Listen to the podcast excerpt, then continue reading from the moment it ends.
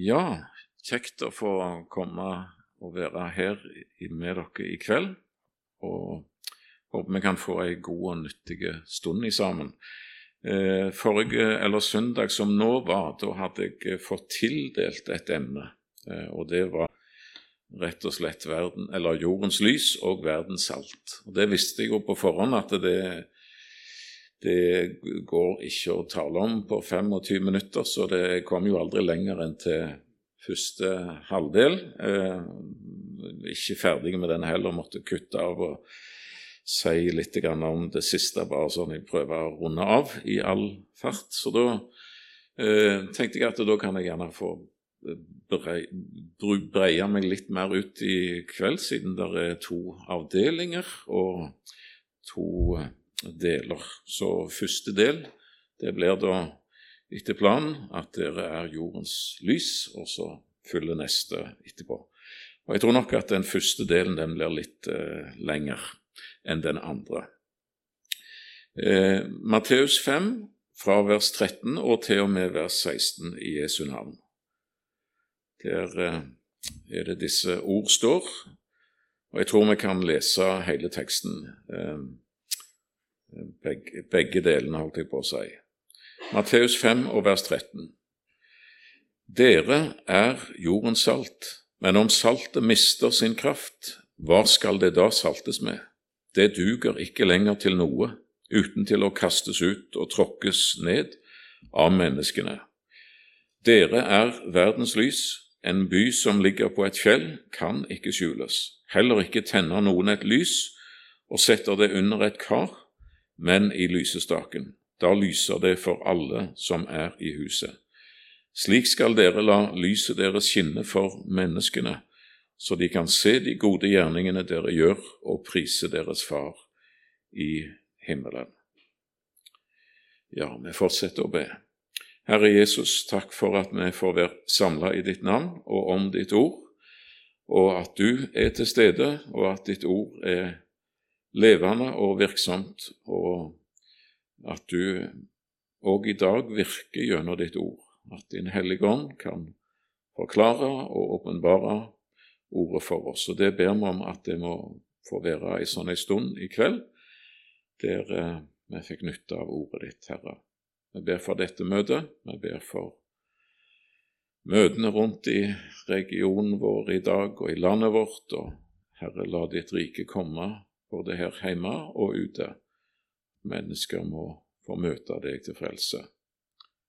Herre, vi ber. Amen. Ja, det er, jo sånn at det, alle predikanter de begynner en sånn en tema med å understreke at det står dere er. Eh, ikke dere kunne vært, eller burde ha vært, verdens eh, lys og jordens salt, men altså heller ikke at du kan bli noe av dette, men er. Dere er jordens lys. Dere er verdens, eh, jordens salt, verdens lys. Så det er ikke en mulighet, men det er en konstatering av et faktum. Og Samtidig så ligger det eh, hele veldig klart unna eh, en oppmuntring, en tilskyndelse. Vær det du er. Vær salt og vær lys. For saltet kan miste sin kraft, og lyset det kan bli eh, hindra, og det kan bli satt eh, på en sånn plass at det ikke er synlig. Så det er en dobbelthet i det. Dere er så vær. Først, dere er jordens salt. Lukas 14, vers 34. Salt er en god ting. Det er en enkel og grei konstatering, det òg, av et faktum. Nå vet vi det at vi advares mot for høyt saltinnhold i, i maten, og at det er skadelig, og at vi får visst oss både dobbelt og trippelt gjerne av det vi burde hatt. Og det er helt sikkert sant. Likevel så er faktisk salt en livsnødvendighet. For uten salt intet liv. Og alle prosesser som skjer i kroppen og i cellene i det hele tatt, er faktisk avhengig av salt. Så uten saltet er liv ikke Det er ikke forenlig med liv, rett og slett, på sikt. Så salt er en god ting. Så har jeg tenkt på tre punkter. Det er jeg heller ikke den eneste predikanten som uh, gjør når vi taler om disse ting. Dere er jordens salt. Skråstrek. Renhet. De gamle romere de sa det at saltet er det reneste av alle ting. Og det er sånn at det saltet som er iallfall vanligvis, eh, og det som tales om her, det gnistrende hvite saltet, det er veldig rent i seg sjøl, og dere er jordens renhet. Ja, det er sant om Guds folk i Kristus, først og fremst, at uh, dere er alt rene på grunn av det ord som jeg har talt til dere. Og eh, en fullkommen renselse ifra all synd og en ikledning av rettferdighet. Det er det å høre Jesus til, og sånn er det. Og samtidig den sammenhengen dette ordet står i, da er det snakk om, eh, om livets rettferdighet, om de som hører Jesus til som lever et annerledes liv fordi de, ja, fordi de er annerledes og hører Herren til. Sammenhengen det står i, det er jo vers eh, 1 til 12. Bergprekenen, salige er de fattige i ånden, de som sørger, de nedbøyde, de som hungrer og tørster etter rettferdigheten, bestemt form entall osv. Og, og her er det snakk om jeg håper å si, nådens virkninger i et uh, menneskeliv, i det faktum at uh, du er en ny skapning som hører Jesus til, og en lever, eller en ønsker å leve etter en høyere standard enn det som verden angir. Og vi ser det Altså et innvia liv, et liv som er helliga til Jesus og av Jesus. Vi ser det i, jeg tenkte på det i Bibelens eh, omtale om vårt forhold til verden, vi som hører Jesus til. Vi er i verden, Johannes 17 vers 11, og samtidig så er vi ikke av verden, vers 14 i det samme kapittel. På den ene sida skal en ikke skikke seg lik med denne verden, Romerbrevet 12 og vers 2. På den andre sida skal en heller ikke gå ut av verden, første Korinterbrev 5 og vers 10.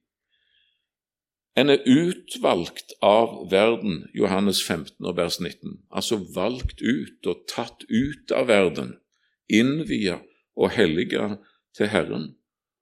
Og parallelt, Johannes 17 og vers 18, utsendt til verden. Så du ser spenninga i dette, her, og verden er et farlig sted å være. Syndenaturen, djevelen, hersker i denne verden, og han har en alliert i vårt indre. Så vi merker den, den spenningen, altså hvordan en skal leve i forhold til verden. I, men ikke av. Ikke skikke seg lik. Heller ikke gå ut av verden. Tatt ut av verden, og så etterpå utsendt til verden med det budskapet som er det eneste som kan gi mennesker frelse og evig liv. Så å ikke bli overvunnet av verden, men å, å, leve i denne verden etter Guds ord og etter Hans, den standard som Han har satt. Så dere er jordens salt jordens renhet. For det andre, dere er jordens salt, skråstrek konserveringsmiddel. Eh, for det var jo saltet. I ei tid der det var smått med fryse- og kjølemuligheter, så var saltet den store store hemmeligheten. For å, altså det kjøtt, enten det var fisk eller dyr av forskjellig, som av seg sjøl da ville begynne å råtne og bli bederva det ble stoppa ved å gni skikkelig med salt inn i kjøttet, eller legge det i saltlake for den saks skyld. Så kunne en stoppe eller hindre forråtningsprosessen. Og nettopp poenget med saltet, det var jo det at det var, det var annerledes enn det som det ble tilsatt. Saltet var noe annet enn det som det ble tilsatt. Og når det ble tilsatt kjøttet, så gjorde det sin gjerning. Og så lever du og jeg i ei tid der vi gjerne hører og oppfatter at det egentlig så skal en ikke skille seg, en skal være mest mulig lik verden.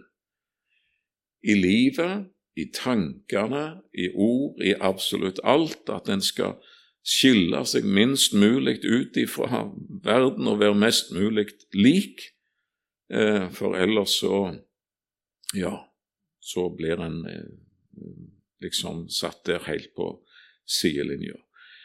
Men nettopp poenget med saltet, det er at det skal være rent, og det skal være annerledes. Det er det som gjør saltet sin gjerning.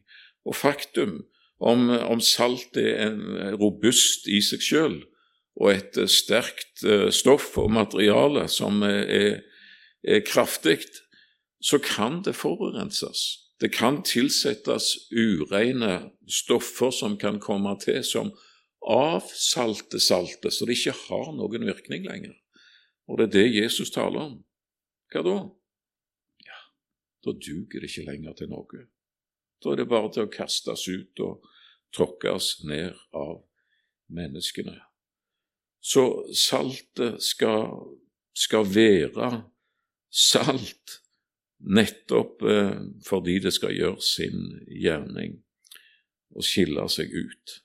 Nå kan en jo alltid misforstå det hvis en vil, det som har med å skille seg ut å gjøre, eh, og, plassere det på en måte på ytre ting og um, ja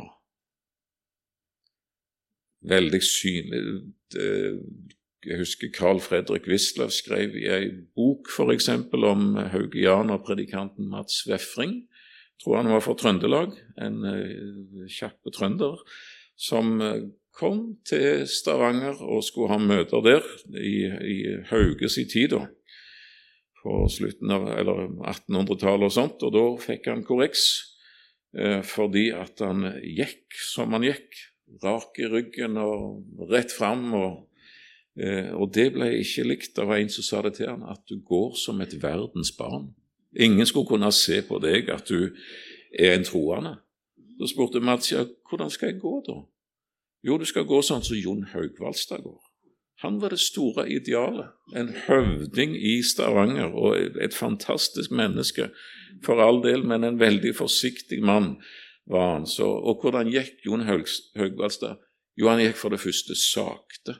Og så hadde han små, trippende skritt. Og så gikk han forover, bøyd litt mot høyre, og så så han alltid ned i bakken. Og du hørte aldri Jon Haugvaldstad le.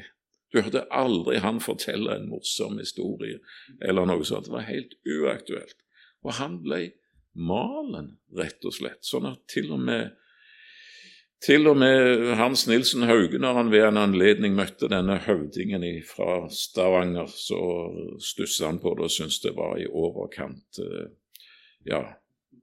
Så han, han dannet en slags eh, skole. Det har ikke med ganglag å gjøre. Det var en, en eh, predikant som så på ferja, Ryfylkeferja, for mange, mange, mange år siden. og så det ei ung dame ved siden av han, og han innleda samtalen med å si at jeg kan se på sokkene dine at du er ikke frelst. De var, de var kulørte, nemlig, og det var godt nok eh, bevis på hjertets tilstand. Og i Telemark, en stor vekkelse der, pinsebevegelsen, der eh, var den eh, kvinnelige evangelist, hadde et, et, et lite rim, og så gikk igjen i de møtene Er hjertet rett, blir håret slett. Da er det ikke noe krøller eller noe sånt, noe fjas. Så har han gjort det til til bare noe ytre. Det, det er ikke sånn en skal skille seg ut. Jo, eh, det står noe om klesdrakt i Skriften, det òg, men jeg formaner dere altså, brødre, ved Guds miskunn, Romerbrevet 12, at dere fremstiller deres legemer som et levende og hellig offer til Guds behag. Dette er deres åndelige gudstjeneste. Og skikk dere ikke lik denne verden, men bli forvandlet ved at deres sinn fornyes, så dere kan dømme om hva som er Guds vilje, det gode, det som Han har behag i, det fullkomne. Så det er en, det er en indre forvandling. Ja, den former det ytre, det gjør han, men den kommer innenfra. Det er først og fremst sinnets forvandling. Og hvis du spør hva er det da å ikke skikke seg lik med denne verden, ja, så kan du lese fortsettelsen av dette kapitlet. Så kan du lese formaningene i vers 9 og til og med vers eh, ut kapittelet i vers 21. Skikk dere ikke lik denne verden, men bli forvandlet ved at kjærligheten er uten hykleri, ved at dere avskyr det onde og holder fast ved det gode. Skikk dere ikke lik denne verden, men vær varmhjertede mot hverandre i broderkjærlighet. Kappes om å hedre hverandre. Skikk dere ikke lik denne verden. Vær lunkne i iveren, brennende i ånden, tjen Herren og så videre og så videre. Velsign dem som forfølger dere. Velsign og forbann ikke. Gled dere med de glade, gråt med de gråtende. Eh, Trakt ikke etter det høye, men hold dere gjerne til det lave. Skikk dere ikke lik med denne verden, men gjengjeld ikke noen ondt med ondt. Om det er mulig, da hold fred med alle mennesker så langt dere det står til dere selv, skikk dere ikke lik med denne verden, hevn dere ikke selv, mine kjære, men gi rom for vreden, for hevnen hører Herren til, om din fiende er sulten, osv., osv. La deg ikke overvinne av det onde, men overvinn det onde med det gode. Det, det er Guds rikets standard, og Gud vær meg synder nådig, for jeg møter meg sjøl i dette, ikke sant, både som en synder, og samtidig så, så blir det en bønn og en eh, lengsel etter mer å leve det livet.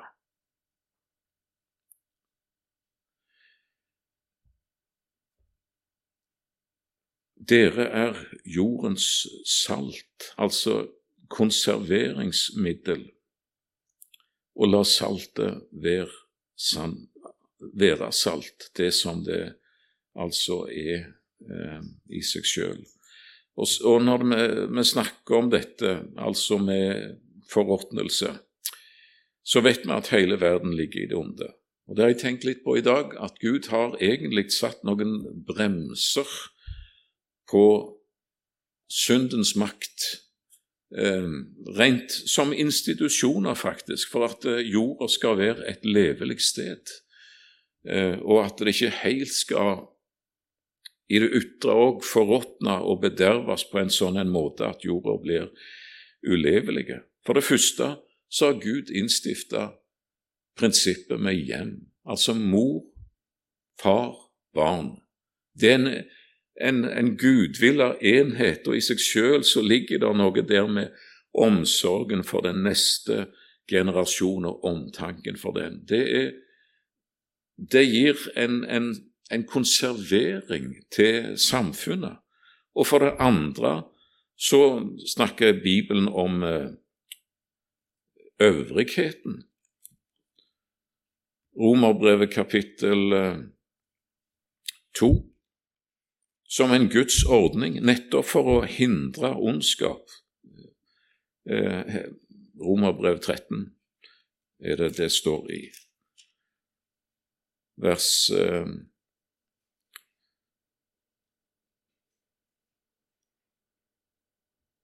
skal vi se, vers, ja, Vi kan lese fra vers 1. Hver og en skal underordne seg de myndigheter han har over seg. For det er ikke øvrighet uten av Gud, men de som finnes, er innsatt av Gud. Den som setter seg opp mot øvrigheten, står Guds ordning imot. Eh, den er en Guds tjenest, tjener, står det, til gagn for deg, fordi at den, eh, den straffer det som er ondt, og vil du slippe å være redd for øvrigheten, så gjør det gode, står det i vers 3. For øvrigheten er en Guds tjener til gagn for deg. Den er en Guds tjener, en hevner til straff over den som gjør det onde. Og Derfor betaler dere òg skatt, står det i vers 6, og derfor betaler dere toll, eh, og betaler den du står i gjeld til, rett og slett det du har ansvaret for. Så øvrigheten er av Gud satt i denne verden som et guddommelig prinsipp, rett og slett, for å begrense eh, ondskapen, for å holde noen grenser. Og Det er ganske underlig å tenke på at når Paulus skriver disse ord, så skriver han dem til, til romermenigheten. Hvem er det som sitter på Roms trone på denne tid? Jo, det er Nero, den gale, crazy Nero eh, som hersker. Han som bare noen år etter dette ble den som tok livet av både Peter etter tradisjonen, veldig troverdig tradisjon, og Paulus. Og Likevel så skriver Paulus om øvrigheten som er innsatt av Gud. Nå eh, handla ikke det først og fremst om eh, Nero, men det handla rett og slett om, om det rettssystemet som var i det gamle Rom. For det var det virkelig. Det var faktisk så er det mye av vår egen lovgivning som går tilbake igjen, som kan spores tilbake igjen til romerfreden, Pax Romana, som den ble kalt, som omfatta Romerriket. Det skulle være et rettssamfunn. Så Paulus òg gjorde seg bruk av det. Når de ville ta han og piske han, så sa Paulus vent et øyeblikk. Har dere rett til å dømme en romersk borger? Da fikk de sjokk og, og rygga tilbake, for det var en alvorlig sak. Så han benytta seg av romerretten både til å unngå piskeslag når han kunne det, og til å innanke sin sak for keiseren, helt til øverste, øverste instans. Så det er for det andre eh, et prinsipp da, som Herren har eh, valgt å gjøre, at det skal være som en slags samfunnsbevarelse, øvrigheten, lov og rett. For det tredje, som jo ingen av disse, verken hjemmet eller øvrigheten, hadde vært noe nytte av, så er det det faktum at, eh, som Romerbrevet 2 snakker om, og vers 13 og 14, at Gud har skrevet loven i menneskets hjerte, tanker og samvittighet. Romerbrevet 2, vers 14-15. Når hedninger, som ikke har loven, av naturen gjør det loven byr, da er disse som ikke har loven, seg selv en lov. De viser at den gjerning loven krever, er skrevet i deres hjerter. Om det vitner også deres samvittighet og deres tanker, som innbyrdes anklager dem eller også forsvarer dem. Så menneskelig talt ikke alle kjeltringer. Det er nydelige mennesker iblant oss. Vi møter dem i nabolaget, på butikken, på arbeidsplassen. Så, så fine mennesker som er opptatt av å gjøre rett og skjell for seg. Og en del av dem er ateister, eh, ikke så rent få. Og likevel så bærer de, håper si, et vitnesbyrd om sin skaper i seg, ja, i det hele tatt ved å leve, men òg ved det faktum at det er en som har skrevet inn lovens gjerning. Så de har i, i store kvanta og i mange ting en erkjennelse av rett og av galt. Ikke i alle ting, langt derifra. Så samvittigheten den kan en ikke stole på ubetinget, for den er òg eh, prega av og ramma av syndefallet. Den må korrigeres og justeres av det som er en høyere autoritet, av ordet, men altså til og med blant verden. Men til tross for, for at Gud har ordna med hjemmet og øvrigheten og skrive lovens vitnesbyrd i deres hjerter for å gjøre kloden levelig, så er og forblir det eh, sterkere sannhet at dere er jordens salt, konserveringsmiddel. Og uten Guds folk i denne verden, så én ting er at det hadde vært fryktelig mørkt, men det hadde òg vært en totale forråtnelse og bedervelse. Så la saltet være salt. Og er, vi må ta med Det er jo veldig ofte sitert i denne sammenheng, der er jorden salt. Beretningen fra første Mosebok kapittel 18 og kapittel 19. Og vi ser, vi ser to ting her når, når Guds dom eh, annonseres over Sodoma og over Gomorra over syndelivet og hjertehardheten som det står om, som preger denne byen. Eh, og det er to ting der en kan nevne som en, en ja, hva skal du si, konservering. Et vitnesbyrd om saltet. Abraham sin bønnekamp i kapittel 18, når Gud taler til han og sier at han vil eh, dømme folket i Sodoma og Gomorra, så drister Abraham seg til å nærme seg Herren og sier kanskje er det 50 rettferdige i byen, vil du da rive de bort? Vil du ikke bære over med stedet for de 50 rettferdige skyld som kunne være der? Eh, Første Mosebok 18 og vers 24. Eh, og så sier Herren ja, jeg vil spare byen området for de 50 skyld. Kanskje det mangler fem, sier Abraham. Hvis det er 45, hva da? Jo, jeg vil spare.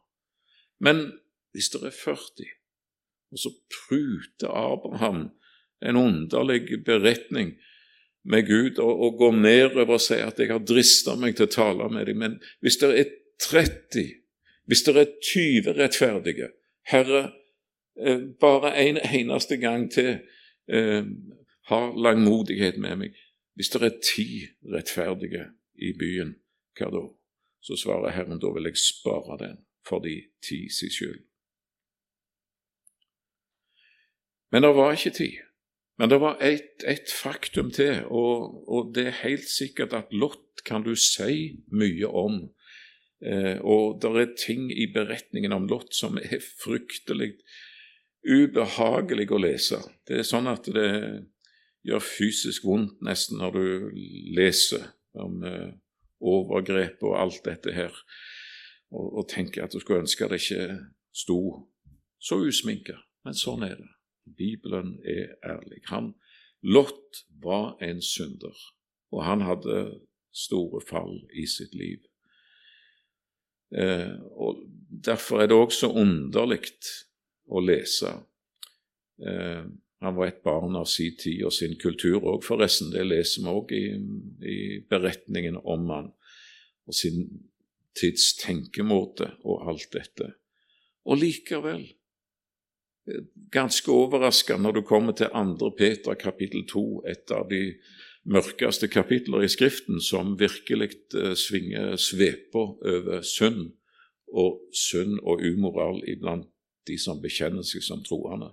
Da er det to personer eh, andre Peter bruker som et eksempel på hellighet, og det er Noah og Surprise Lot, faktisk. Han som bodde i Sodoma, men led dag for dag pine i sin rettferdige sjel. Eh, og ble torturert, som det ordet betyr, ved den, all det lovløse han så og hørte der han gikk omkring i Sodoma. Og ikke kan jeg forstå det på noen annen måte enn at denne verslige mannen må ha opplevd en fornyelse i Sodoma. Du finner han ved byporten. Når disse englene kommer der, og han tror det er vanlige, normale mennesker, så springer han av gårde for å møte dem og, og si 'ta inn hos meg', og dra videre i morgen. Det, Du ser jo tanken at om jeg ikke kan redde Sodoma, så kan jeg redde noen personer, et enkeltmenneske, ifra Sodoma. Kom inn hos meg, dra videre i morgen, dette er ikke et blivende sted.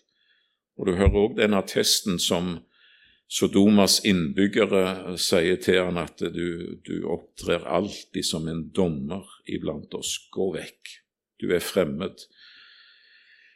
Vers, eh, kapittel 19 og vers 5, de sa gå vekk, og så sa de denne ene mannen er kommet for å bo som fremmed her, og så opptrer han bestandig som dommer. Nå vil vi fare verre med deg enn med dem. Vår tålmodighet er overlått, du er så dømmesyk. Du tror du er så mye bedre enn alle andre. Du er ikke en av oss, og du hører ikke til her. Det de ikke visste, det var at eh, tross skrøpelighet og alt, så var Lot saltet i Sodoma, og at det var hans tilstedeværelse som holdt dommen borte ifra byen. Den dagen Lot gikk ut av Sodoma, når de endelig var kvitt han, sånn som de gjerne ville være. Men den dagen var faktisk dommens dag over Sodoma. Og engelen sa det til, til, til Lot at skynd deg, flykt dit, altså til Soar, ut av byen, for jeg kan ikke gjøre noe før du er kommet dit.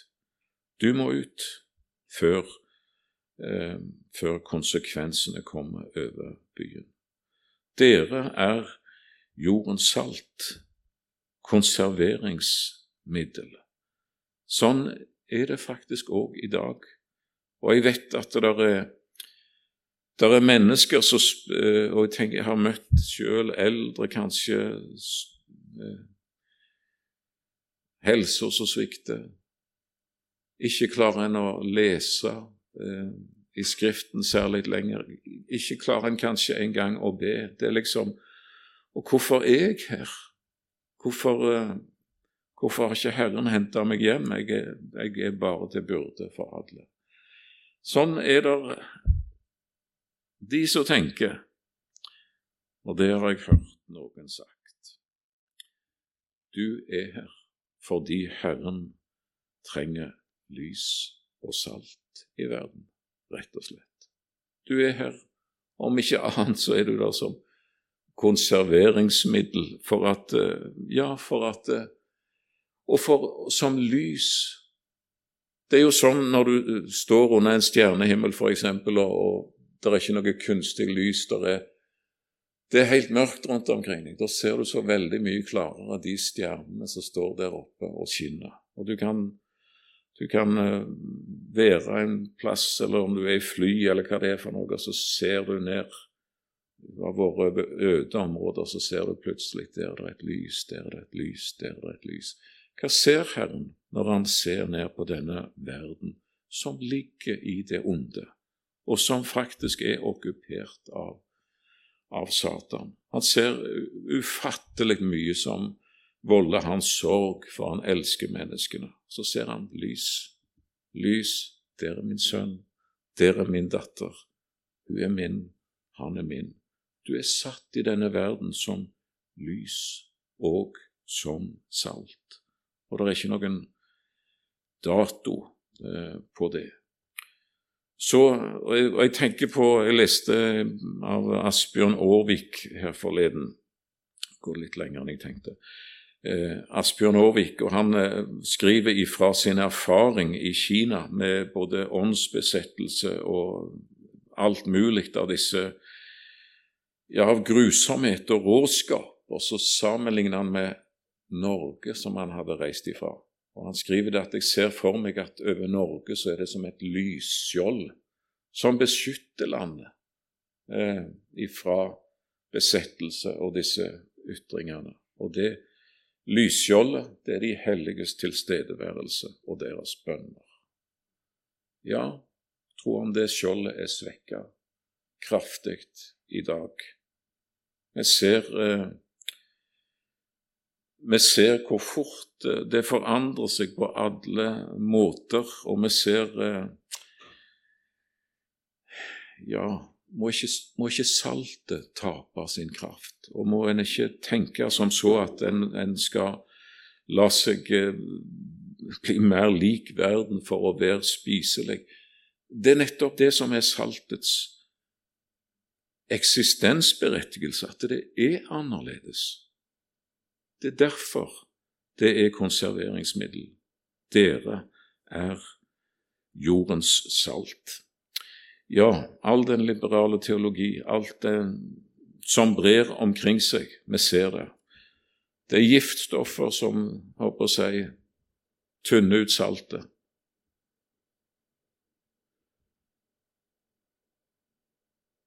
Og det er tragisk når Jesus sier at når saltet mister sin kraft, duger det ikke til noe ting. Kast ut, tråkk det ned. Det duger ikke til noe annet enn en veistøv. Eh, hvor tragisk det er. Og så i full fart det tredje punktet. Dere er jordens salt, skråstrek, krydder. Eh, jobb, han sier det. Kan jo ta med et, om det ikke er så veldig eh, ordentlig innhold i det. Eh, jobb 6 og vers 6. Hvem vil ete det som er smakløst uten å sette salt til? Er det smak i eggehvite? Spør Jobb. Salt er krydder, og det står noe i Efes i, Skal vi se Kolosserbrevet 4 og vers 5 og 6 omgås i visdom med dem som er utenfor, kjøp den beleilige tid, la deres tale alltid være vennlig, men krydret, altså krydder, med salt, så dere vet hvordan dere skal svare enhver. Ja, salt gir god smak.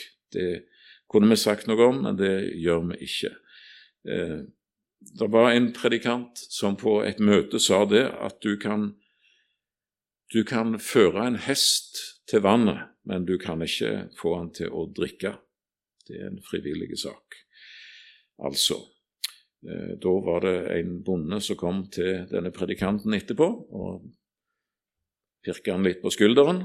Eh, og Det er alltid greit å få litt eh, nyttig info fra folk som vet mer, og det er det alltid i salen.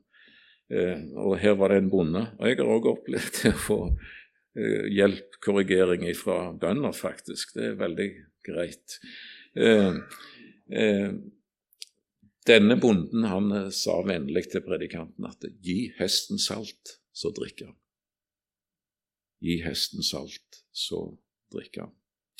Ja, saltet svir, det skaper tørst, og det er noe sånn det er. Jeg tenkte i dag igjen på en kar som jeg møtte for en stund siden, som ble en kristen, helt uventa eh, for alle rundt omkring han, og som når han kom på jobb dagen eh, eller etter helga, ble eh, merka at de så litt rart på han, hans eh, gode kollegaer der på kontoret. Og til slutt så var det en, ei, ei der på kontoret som spurte hva har, hva skjedd med deg. Eh, og han sa 'skjedd'? Nei, hvordan da?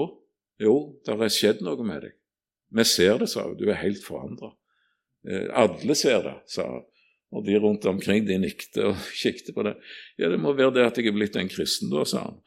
For uh, han var en sånn en så det veldig Alt var synlig med den gode, festlige broder som ingen hadde mistenkt for å kunne ha noe tanke for kristendom. Og han sa at det var så rart, for det at det, ble så forskjellig reagert der på jobben. Noen ble rasende. De ble så provosert. Gikk rett i strupen på han og skulle ha han tilbake igjen. Slutta med dette tullet. Ikke sant? Og andre sa han, de ble så glad i meg. De, selv om de ikke var kristne. Så når det ble avlagt eh, regnskap for helgene, liksom, og folk sa hva de hadde gjort og vært med på og sånt noe, så var det alltid sånn Og du, du har vel vært på møte, du? Ja, sa han, jeg har vært på møte. Så kan han gi et bitte lite referat av det. Men jeg tror det er litt typisk salt. Det gir en reaksjon på den ene eller andre måten.